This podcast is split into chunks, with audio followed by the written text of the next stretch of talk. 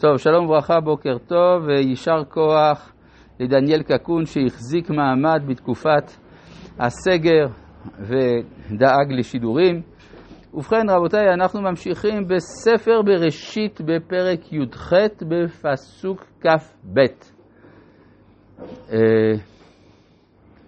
ויפנו משם האנשים וילכו סדומה. ואברהם עודנו עומד לפני השם. אז מה פירוש הדבר ויפנו משם האנשים? אם מדובר במראה הנבואה כדעת הרמב"ם, הכוונה שהרמב"ם, שה, שאברהם רואה את ההשגחה יורדת לסדום. אם מדובר כדעת הרמב"ן, יורדת לסדום כדי לשפוט אותה. אם כדעת הרמב"ן שהמלאכים קיבלו צורת גוף, אז יכול להיות כפשוטו, ויפנו משם האנשים. ואם כדעת הרלב"ג, הם הולכים לבדוק, כלומר אם מדובר בנביאים, הרי הם הולכים לבדוק מה המצב בסדום כדי לדעת אם היא ראויה לחורבן או שלא. ויפנו משם אנשים וילכו סדומה. ואברהם עודנו עומד לפני השם. מה זה עודנו עומד לפני השם? שוב, לפי הציור של, ה, אה, של המחזה, מדובר על אחד מן השלושה. זאת אומרת, שני אנשים יורדים, השלישי נשאר. מי זה השלישי? זה השם. ואברהם עודנו עומד לפני השם. ויגש אברהם ויאמר, האף תספה צדיק עם רשע. מה זה ויגש? ויגש זה לא ויאמר, אלא זה תנועה התקפית. לכן יש ויגש לתפילה, ויגש למלחמה, אבל זה אף פעם לא משהו ניטרלי. עכשיו נשאלת השאלה, איך אברהם מפקפק בדינו של הקדוש ברוך הוא? זה לכאורה לא ראוי, זאת אומרת, זה חוצפה. אלא שאצל אברהם, ככה היה מסביר מניטו, אצלו זה טהור לגמרי. כלומר, אין פה שום מעורבות של מידה רעה, ולכן יש לו זכות לתבוע שיעור פרטי שיסביר לו את מידת הדין. השאלה היא, נגד מה אברהם יוצא? לכאורה, בפסוק הראשון, כלומר פסוק כ"ג, נראה שהוא רוצה את טובתם של הצדיקים. האף תספה צדיק עם רשע? אגב, מה פירוש האף? יכול להגיד, התספה. מה זה האף? זה כאילו עוד פעם, זה לא פעם ראשונה שאתה אה, השמדת חלק מן האנושות. ושם דווקא דאגת שהצדיק לא ייפגע, נוח ניצל. אז עכשיו שאתה תספה, זה יהיה צדיק עם רשע? כלומר, יש תקדים שהצדיק ניצל. אולי, אז לכאורה פה, מה שמבקש אברהם זה להציל את הצדיקים, לא להציל את הרשעים. אבל הפסוק הבא אומר את ההפך הגמור. אולם, אולי, יש חמישים צדיקים בתוך העיר, אגב, מה פירוש המילה פה צדיקים? מי שצדיק בדינו, כלומר, מי שלא חייב כליה, לא שהוא צדיק אה, במובן המוחלט של המילה, כן, כמו שכתוב, ונקי וצדיק אל תהרוג. מה זה וצדיק אל תהרוג? מי שיצא צדיק בדינו. כלומר שבבית הדין יצא פטור. אז אולי יש חמישים צדיקים בתוך העיר, האף תספה ולא תישא למקום למען חמישים הצדיקים אשר בקרבה. אז מה מתברר כאן? שאברהם רוצה להציל דווקא את הרשעים, והוא משתמש בצדיקים כדי להציל את הרשעים. זה סותר את הפסוק הקודם. אלא שפה אברהם מתנהג כמו במשחק שחמט.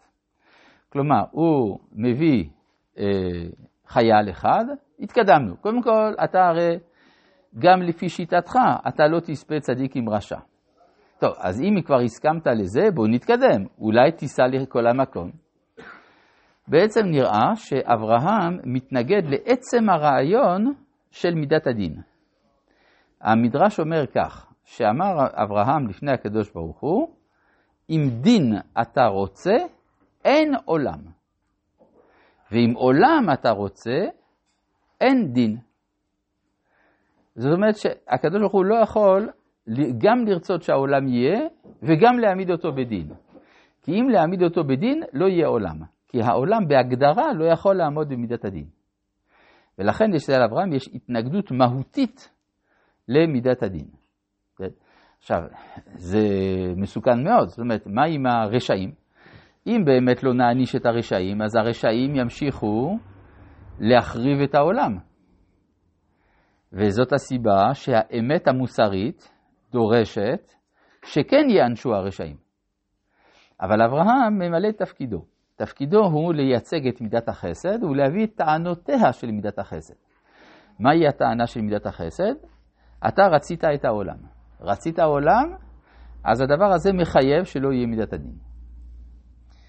ולכן הוא אומר, אף תספה ולא תישא למקום. ברור שהמקום זה לא המקום הפיזי, אלא האנשים שנמצאים במקום. למען חמישים הצדיקים אשר בקרבה. עכשיו, הטיעון הזה, אברהם מרגיש את החולשה שלו, החולשה העקרונית, לכן הוא מיד חוזר לטיעון הקודם, כלומר הוא משחק בין הטיעונים. חלילה לך מעשות כדבר הזה להעמיד צדיקים רשע, אבל זה לא מה שאמרת, אמרת בהתחלה, בפסוק הקודם, שאתה, לא, שאתה רוצה להציל את הרשעים. פתאום אברהם מרגיש כנראה איזושהי התנגדות שלא מורג... לא מובעת במפורש בפסוק, אבל אברהם מרגיש את חולשת הטיעון, ולכן הוא מיד עובר ל... להמית עם צדיק עם רשע והיה כצדיק כרשע, חלילה לך.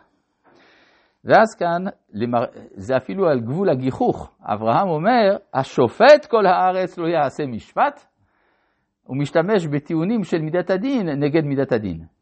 כן? ויאמר השם. אז התגובה היא, אחרי שלושת, ה...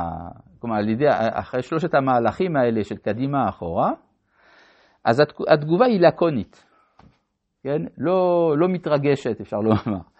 אם אמצא בסדום חמישים צדיקים בתוך העיר ונסעתי לכל המקום בעבורם. עכשיו, מה, מה, מה הדבר הזה אומר? אני יודע שאין חמישים צדיקים. לכן אני אומר, אם אמצא, אבל אני יודע שאין, אז מה אתה מבלבל? כן, עכשיו, יש, אה, אבל בכל זאת יש פה איזה מין הסכמה עם, הפס, עם פסוק כ"ד. זאת אומרת, יש הסכמה שהצדיק יכול להציל את הרשע. יש את השאלה למה. התשובה היא פשוטה. אם יש צדיקים בתוך העיר, זה סימן ששני דברים. א', שהרשעים הם לא כל כך רשעים, כי הם לא הרגו אותם. שתיים, יש תקווה לרשעים, כיוון שיש שם צדיקים, והצדיקים יכולים להשפיע עליהם. לכן...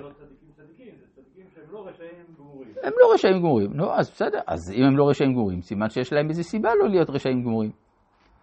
אז אה, הם יכולים אולי להשפיע. לפחות הם חמישים, חמישים זה כבר קבוצה משמעותית. זה לא איזה שניים, שלושה אנשים שלך תדע מה הם עושים שם.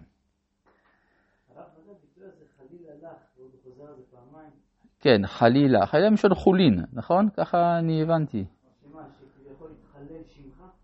כן, זה משהו, או שזה, או שזה דרך חול עבורך, אתה דרכך דרך הקודש. כן, חול, כלומר בדרך כלל דרך השם זה דרך הקודש, קדושים תהיו כי קדוש אני. אם אתה עושה כך, אתה נוהג דרך חול, זה הכוון. כן, ככה. חול מלשון חלל, כן? פה חלילה זה עם שני למדים. זאת אומרת שיש פה מידה של אה, ריקון, ריקון מהנוכחות שלו. כן. ויען אברהם ויאמר, הנה נא הועלתי לדבר אל אדוני, ואנוכי עפר ואפר. שימו לב, השם שבו משתמש אברהם עכשיו זה שם אדנות, לא שם הוויה. שם אדנות, לפי הקבלה, מידת הדין. בכלל, א', ד', נ', י' זה אותיות דינה, דינה דמלכותא, דינה. כן, זה שם אדנות. אה, שם אדנות זה, ה, זה המשפט בפועל. אלוהים זה המידה. זה המידה העקרונית של הדין. כן, זה העיקרון של הדין. ואנוכי עפר ואפר. כן. עפר ואפר זה, זה בכל זאת משהו.